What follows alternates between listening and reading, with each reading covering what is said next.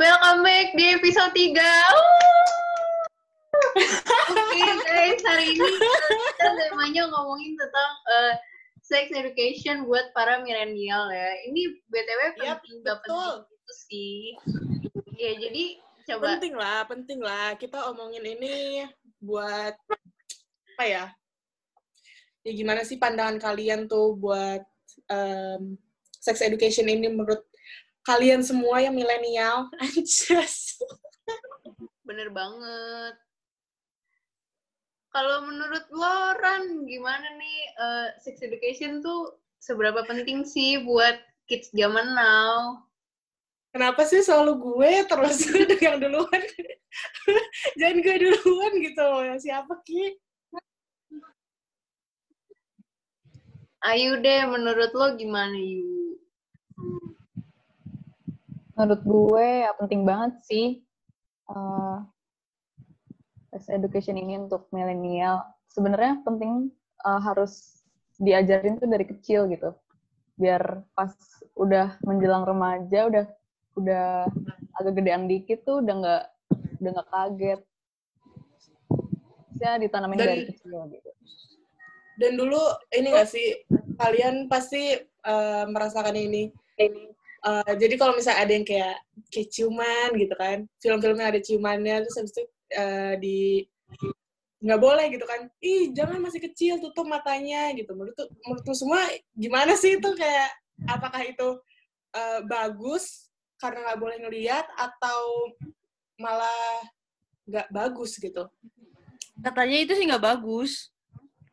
Kenapa? Karena kalau bisa ya diliatin aja. Jadi juga dikasih tahu. Ya kalau misalkan ya, emang ya ciuman itu dalam eh harus udah ada keikatan gitu. Ya nggak sih bukan bukan belum muhrim kan. Jadi kalau dia kalau misalkan lagi ada film ciuman atau gimana ditutupin, dia jadi penasaran, dia jadi pengen nonton kan. Jadi malah diem-diem di belakang orang tuanya ya nggak sih? Bisa, bisa, bisa, bisa. bisa.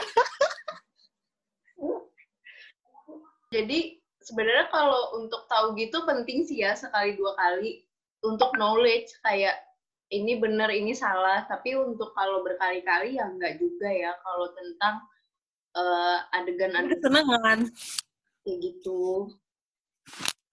Iya mungkin kalau kita masih kecil, kalau misalnya kita udah jadi orang tua, lebih Ya. bisa milih-milih film untuk ditonton bareng sama anaknya. tapi eh, harus kayak harus membina ke misalnya misalnya ya nanti ya anak-anak kita atau gimana gitu eh, yang bener gitu kayak jangan salah kaprah jadi kayak misalnya eh, lo misalnya sebagai orang tua tuh jangan kayak ngasih informasi tentang ini kayak setengah-setengah gitu yang bakal jadi kesimpul a- anak tuh kesimpulannya jadi beda gitu ngerti? Iya, jadi, paham, jadi paham. Eh, iya salah kaprah jadinya kayak oh gue berarti pacaran harus kayak gini ya gitu Dan mendingan anak itu tahu dari orang tuanya nggak sih daripada dia tahu dari orang lain dan artinya jadi beda.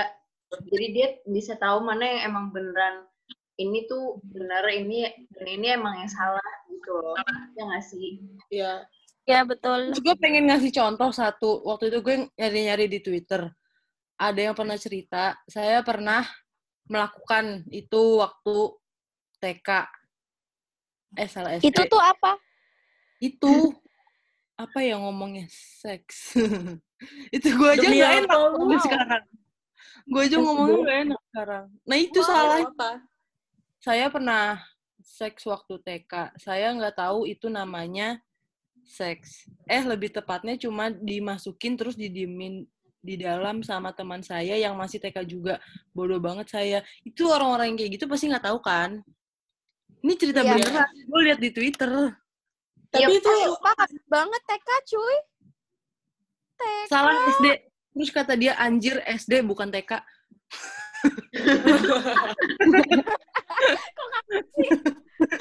Tapi ih, serem juga ya kalau sampai yang kayak nggak tahu gitu.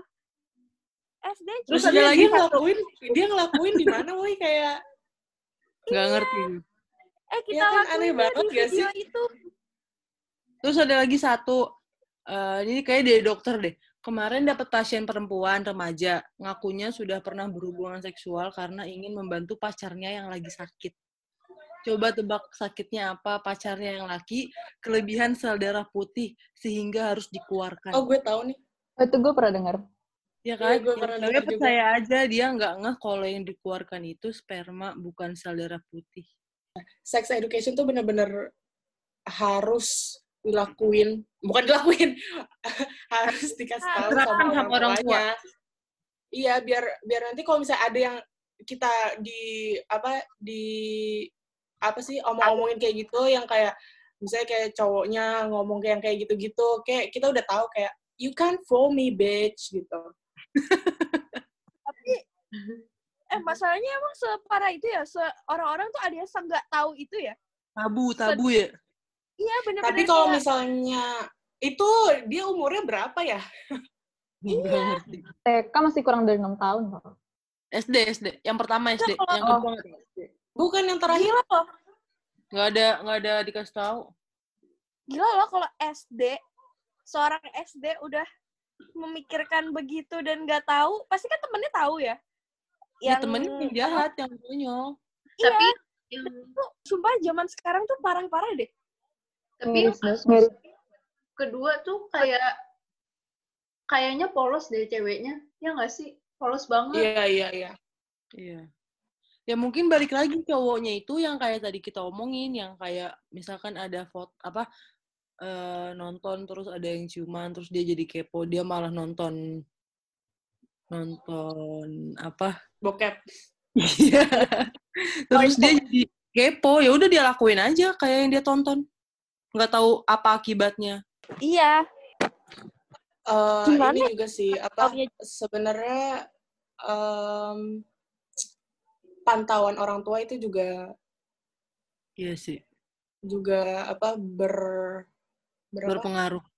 berpengaruh banget sebenarnya makanya dari situ kayak tapi kadang gini loh kan orang tua mungkin nggak ngelarang eh nggak nggak ngasih tahu apa kayak eh apa namanya misalnya dia biasa aja nih kayak menceritakan eh nggak menceritakan kayak nggak pernah emang kayak udahlah karena masih kecil juga nggak akan ngasih tahu tapi kadang tuh mereka tuh tahu dari temen-temennya gitu nggak sih soalnya gue Iya aja bener-bener. tahu dari teman-teman bukan dari orang tua gue bukan dari apa gitu jadi kayak ya sama kok Sama akhirnya menelusuri gitu loh kayak ini tuh apa ini tuh apa terus kayak oh ini tuh gini Dan kita jadinya taunya bukan bahasa benernya kan? iya Iya. karena Beda. orang gue aja kan katanya kalau misalkan tete harusnya payudara, ya kan? ah, iya kayak gitu. Nggak enak ya ngomongnya. sumpah sih kayak apa namanya gue aja bener-bener baru tahu artinya yang begitu begitu yang parah banget. Itu tuh pas gue dikasih tahu teman gue pas kelas 1 SMP gue langsung kayak hah emang begini ya? Hah emang begitu ya terus gue nanya itu apa? Sampai kayak gitu dan diceritain detail. Itu gue dikasih tahu dari situ tau. Terus gue kayak lah ih serem gue takut gitu. Terus habis takut, sekarang mah udah sekarang mah udah biasa kan karena udah gede kan. Tapi sebenarnya bagus sih. Maksudnya sekarang udah banyak yang ngerti juga kayak gitu semakin ke sini. Maksudnya mama muda mama muda itu pasti bakal lebih mengajarkan anaknya yang benar. Nah jangan Iya. joget mama muda please, please banget. eh bentar lagi ini mama muda Eh sebenarnya tuh pentingnya gini gak sih? Kan banyak yang kayak lo tadi kan misal lo taunya pas udah SMP gitu dan lo jadi bertanya-tanya juga kan ke teman-teman lo yang emang sumber lo bertanya tuh juga bukan orang dewasa yang nggak bisa nga- ngasih tahu lo. Kalau menurut gue kayak mendingan aduh ngakak kayak mendingan gimana ya bukan dimasukin ke pelajaran sih tapi kan mungkin kalau orang tua juga gimana ya dia harus ada waktu yang tepat untuk ngasih tahu ini benar ini salahnya gitu. Tapi sekayaknya sih di sekolah juga penting gitu nggak sih? Nggak nggak di pelajaran agama atau nggak di kayak pelajaran apa ya ada nggak sih pelajaran yang kayak berkehidupan gitu apa sih P PLK Biologi. Bukan. enggak ma- enggak maksudnya tuh kayak dihubungin gitu loh apalagi usia-usia SMP gitu kayak kita Oh, aja PLKJ, kenakalan remaja, bukan? ya kayak gitu-gitu kayak dikasih tahu nah itu diselipin sex education biar tahu beneran gitu kalau perlu dijelasin kayak eh, kalau misalnya kayak pacaran gitu boleh apa enggak sih? Terus kalau emang eh, ada cewek cowok gitu bolehnya ngapain aja kalau berteman kayak gitu. Biar emang tuh tahu gitu loh. Mungkin nggak Hmm. Iya. sekolah kalau nggak masuk ke akademik karena mungkin di kitanya juga kayak tabu gitu nggak sih? Paling adanya di pelajaran agama kan kayak pacaran haram gitu-gitu tapi kan itu udah tahu anak zaman sekarang kan kayak it's not relatable gitu iya Lagian kocak juga. Gue itu nonton Dokter Boyke, katanya yang paling bener sih yang kayak ngasih tahu itu orang tua, bukan guru Ya. yang paling bener. Iya, Iya. karena itu kan lingkungan pertamanya mereka juga kan orang tua tuh. rumah Paling bener ngasih taunya pas anaknya nanya dan jangan pernah bohong. Gue tadi nonton dulu sebelum bikin ini.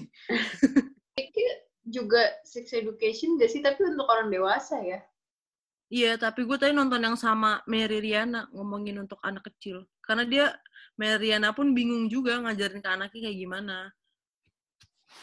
Karena awkward gak sih lu tiba-tiba ngomong sama anak lu? iya Nah, Iya, pasti pasti harus nyari momen yang pas lah. Seiring waktu gitu. Iya. Karena Kalau kayak enggak, terus taunya pas dia udah puber. iya, masalahnya kan orang tua juga nggak mungkin dong langsung menceritakan sedetail itu. Kayak harus di apa namanya tuh dipikir-pikir dulu. Nanti juga kalau lu jadi orang tua juga bingung aja cara ngomongnya tuh bagaimana. Tapi paling udah dikasih tahu kali ininya ini tuh apa, ini tuh apa gitu. Nah, si dokter Bioga itu, tadi gue nonton, dia bikin buku. Jadi misalkan buku kayak gini. Yang di sebelah kirinya untuk orang tuanya mungkin kata-katanya gimana, yang sebelah kanan kayak ilustrasi gambar untuk anaknya baca. Jadi orang tuanya Hmm, bagus, bagus. Iya. Tapi tetap aja kata pembacanya, dia tetap bingung cara ngejelasin ke anaknya gimana. Tetap bingung.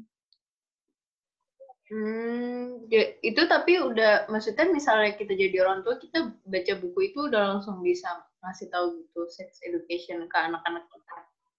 Iya. Jadi di kiri yang lu baca, di kanan ilustrasi gambar-gambar yang lu lu jelasin sendiri ke anak lu. Berarti nanti kalau kita udah punya anak tinggal beli buku itu dong. Iya, tapi lu tetap aja ntar waktu yang tepat lu ngomong kayak gitu kapan. Oh iya sih. Cari momen yang pas. Ini gue bingung deh cara ngomongnya. Apa? Cara ngomong ke anak ya. Oh, Mungkin kalau udah deket-deket puber nggak sih? Atau kalau dia udah mulai udah masuk SD tuh kayak pelan-pelan dikasih tahu. Iya. Nyicil lah, nyicil.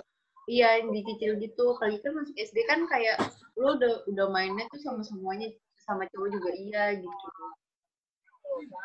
Terus ini gue kepikiran sesuatu. Em, banyak nih orang yang kayak eh, banyak deh pokoknya yang artinya lo masih virgin itu gimana sih? Maksudnya? Iya, maksudnya gimana? Maksudnya kan orang nih banyak nih orang-orang tuh yang beda pengertiannya gimana sih lo masih virgin? Apakah eh, keperawanan itu masih ada gitu? hmm. Apakah kayak misalnya oh gue uh, gara uh, apa kalau misalnya udah uh, uh, selaputnya selaput apa sih namanya? Selaput darah. iya selaput selaput darahnya itu udah nggak ada berarti gue nggak virgin dong gitu kan. Ada yang kayak gitu. Terus kan kayak misalnya uh, ada tuh yang dulu cerita kalau misalnya awas kalau sering naik sepeda biasanya um, nanti jadi nggak virgin gitu Oh Tau nggak? iya iya. Tahu tahu. Nah iya kayak gitu. Kadang-kadang orang tuh kayak ngebilang kayak gitu, eh ngebilang kayak eh ah saudara gue udah robek, berarti gue udah gak virgin gitu-gitu. Tapi ada di satu sisi ada yang bilang eh, kalau keperawanan itu em, hilang keperawanannya pas saat ber eh, hubungan intim dengan pasangannya. Gitu. Iya sih, ya itu pandangan orang sih beda-beda. Tapi kok kayak kalau- gimana pandangan lu semua tentang itu? Gue yang kedua sih.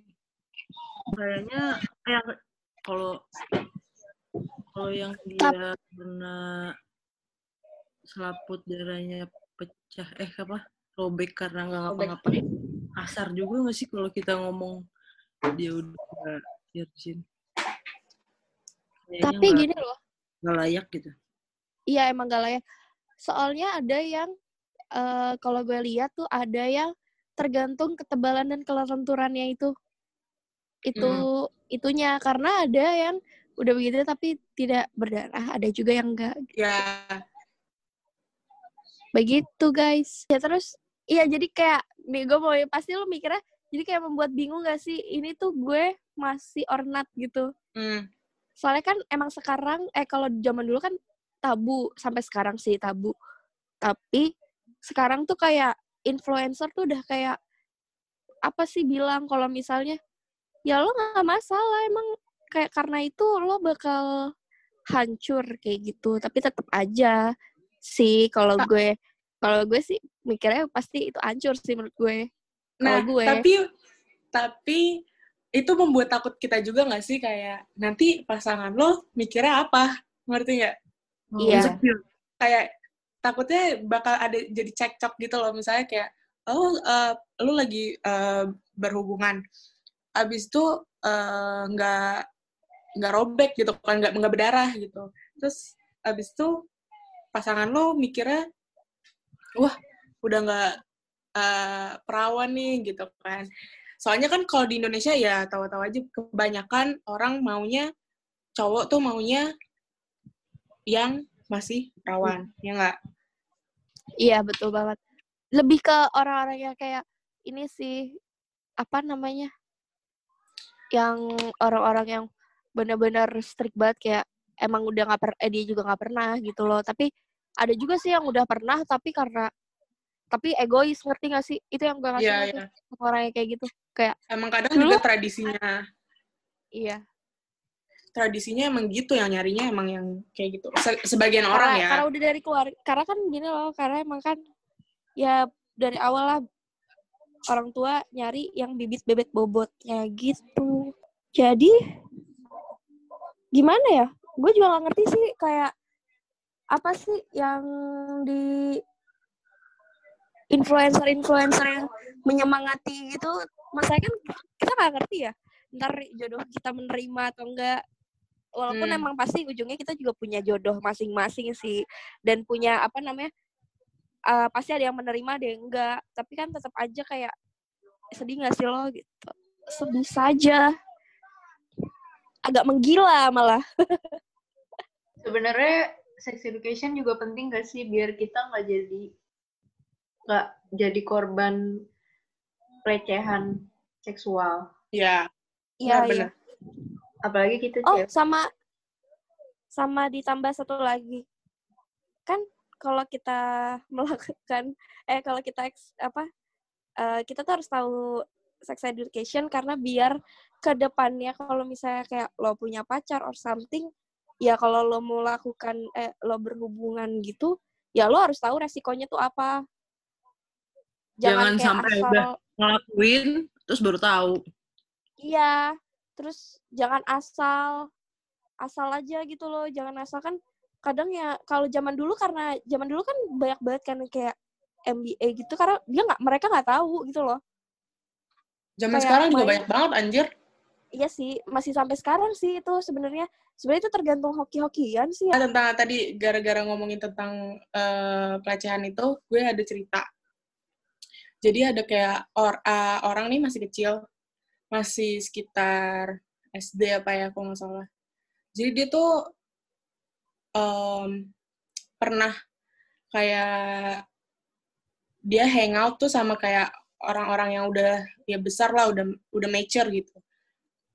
Nah terus habis itu lagi lagi apa ya lagi seru-serunya main gitu. Lagi seru-serunya main ternyata em, kayak tiba-tiba kayak dipegangin gitu dipegang-pegangin sama ada gitu ada orangnya nah terus nah si orangnya ini nggak tahu sama sekali kayak ya udah ya emang masih polos gitu kan. Dan mungkin juga orang tuanya nggak ngasih sex education dan lain-lain. Jadi terus tapi dia maksudnya dia inget tuh da- eh, seiring dia gede tuh dia dia masih inget kayak gitu tapi baru taunya baru ngehnya dia dilecehin itu pas ya udah gede itu kasihan banget sih Oke, gue pernah lihat deh. Eh, pernah baca deh. Maksudnya. Tapi emang banyak iya dia kayak kayak gitu? misalnya kayak di pegang-pegang kayak itunya gitu terus dia ya udah pas gede baru ngeh kalau misalnya wah dulu gue dilecehin cuy gitu dan mereka orang-orang orang-orang yang dulunya itu juga udah nggak tahu udah nggak udah tahu nggak tahu ke mana Iya. Nggak mungkin dicari juga sih. Nah, kalau menurut gue ada kayak yang lebih parahnya lagi tuh eh kayak kekerasan seksual yang terjadi dalam keluarga gitu nggak sih? Kayak misalnya adik sama kakaknya atau Hmm. anak sama orang tuanya entah bokapnya atau nyokapnya gitu. Hmm. Biasanya itu ini sih apa kalau sama orang tuanya biasanya yang kayak bukan sehubungan darah tuh biasanya tuh Iya. banyak cerita-cerita yang kayak gitu Misalnya kayak anak tiri gitu. Hmm. Hmm. Tapi nggak tahu juga ya kalau kandung, wah gila, gue nggak tahu lagi Itu otak gila banget orang tuanya kayak gimana anjir. Nih ya, gue jujur, gue adalah orang yang nyimpan kondom di dompet. Dari Cina, guys. Jaga-jaga ya. Dulu dulu dari Ayu, dulu dulu dari Ayu kan, gara-gara dia pas itu tukeran kado dapetnya kayak gituan, dapet Dan gue kondom. inget Please, nonton. Iya, da- dari situ kan, dari situ terus habis itu gue eh, maksudnya juga mikir juga gitu, kayak ya gue kenapa gue gue naro itu terus dan sekarang sekarang malah jadi kayak naro itu naro itu terus di dompet karena menurut gue kayak ya lu nggak tahu kapan dan di mana ya nggak sih? Kapan dan di mana? Dan bu maksudnya cowok lu tau gak lu nyimpan? tahu. Dan Fix, maksudnya fix, fix. Ah, nanti aku punya, aku jadi bukan gitu. Bukan gitu. Dan maksudnya maksud gue tuh bukan bukan buat gue sendiri gitu. Gue melakukan ini dan itu. Enggak. Maksudnya kan kayak misalnya ada teman lo juga gitu. Teman lo eh, mau melakukan itu dia nggak punya dan apa apa gue tenang gue ada. Gue tai sih emang gue tai orangnya. Tapi eh, apa ya maksudnya gue juga nggak mau temen gue NBA walaupun walaupun kondom itu nggak 100% safety ya nggak nggak safe gitu. Iya, takut anjir kalau MBA, sumpah.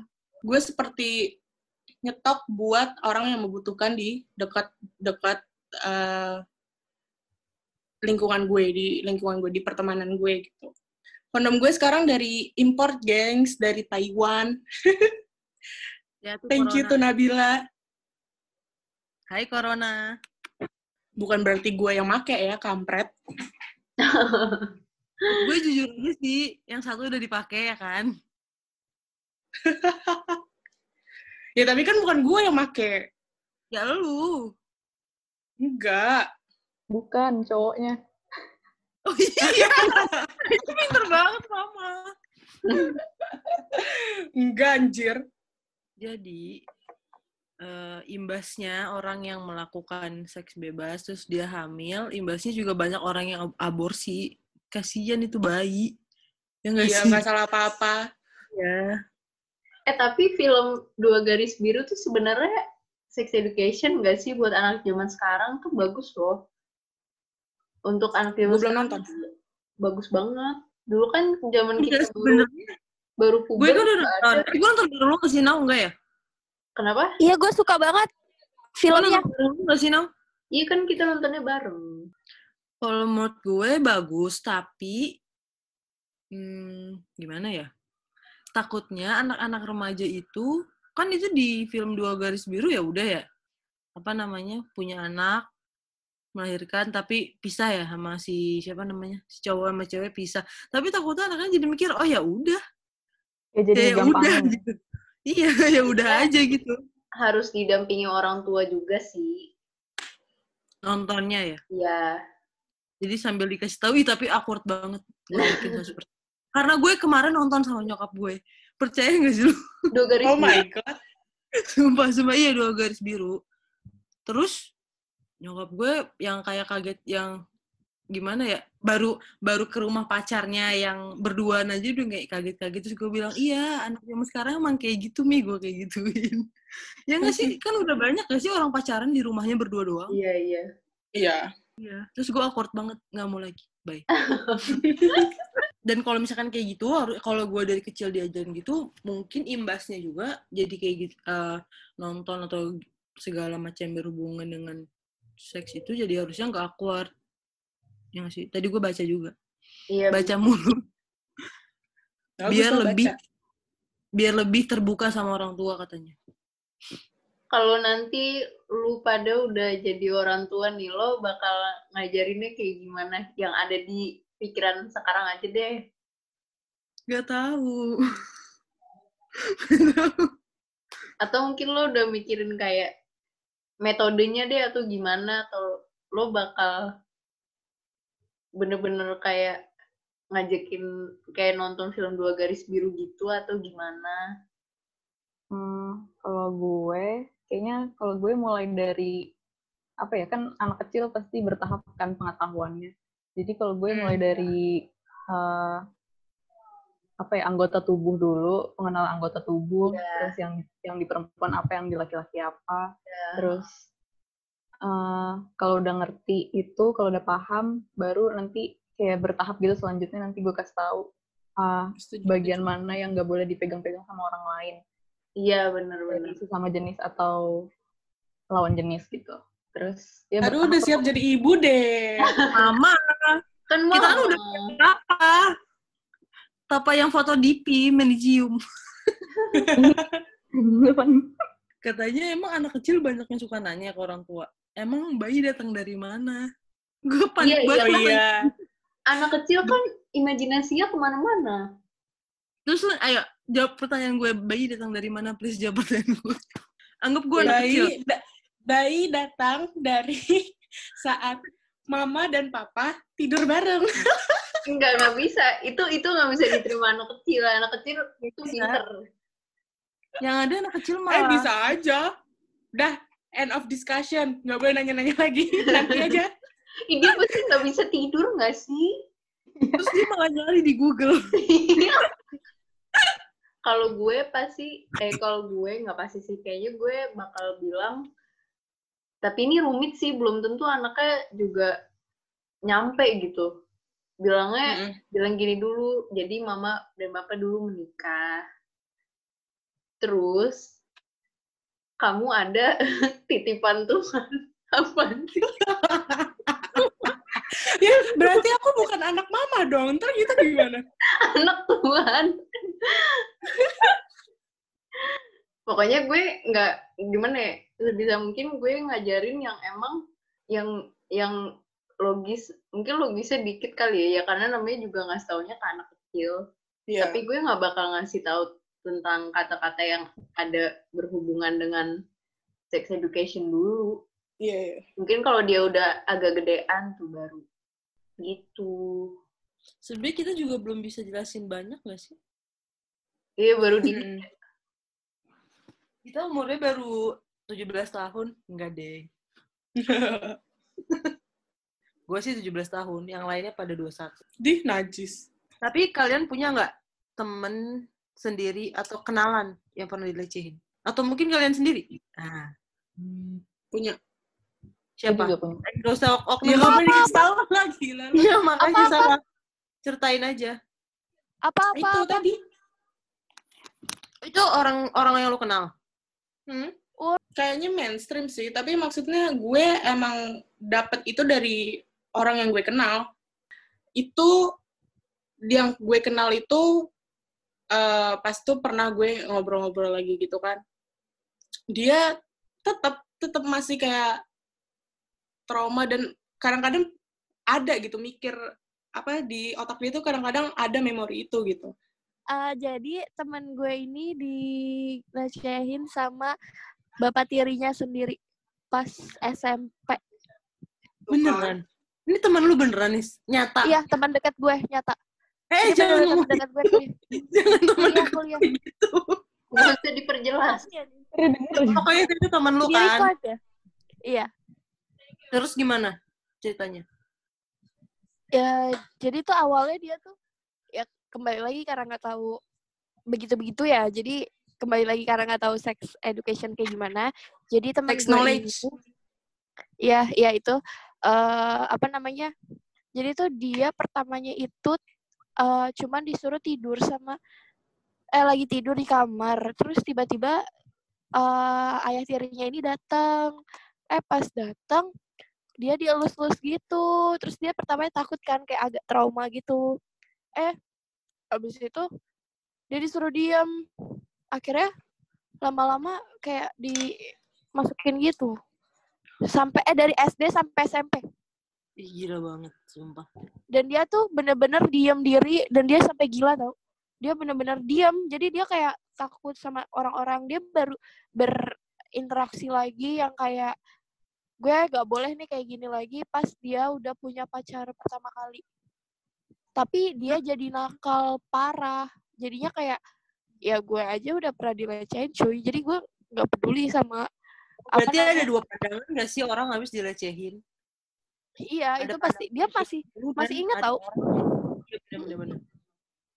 Jadi ayah tirinya ini tuh udah diceraiin kan sama mamahnya sendiri karena ketahuan dia ngintipin ayah tirinya ini ngintipin teman gue ini mandi. Di situ tuh emang udah cekcok juga. Eh terus abis itu mereka udah tuh udah kayak udah pisah kan.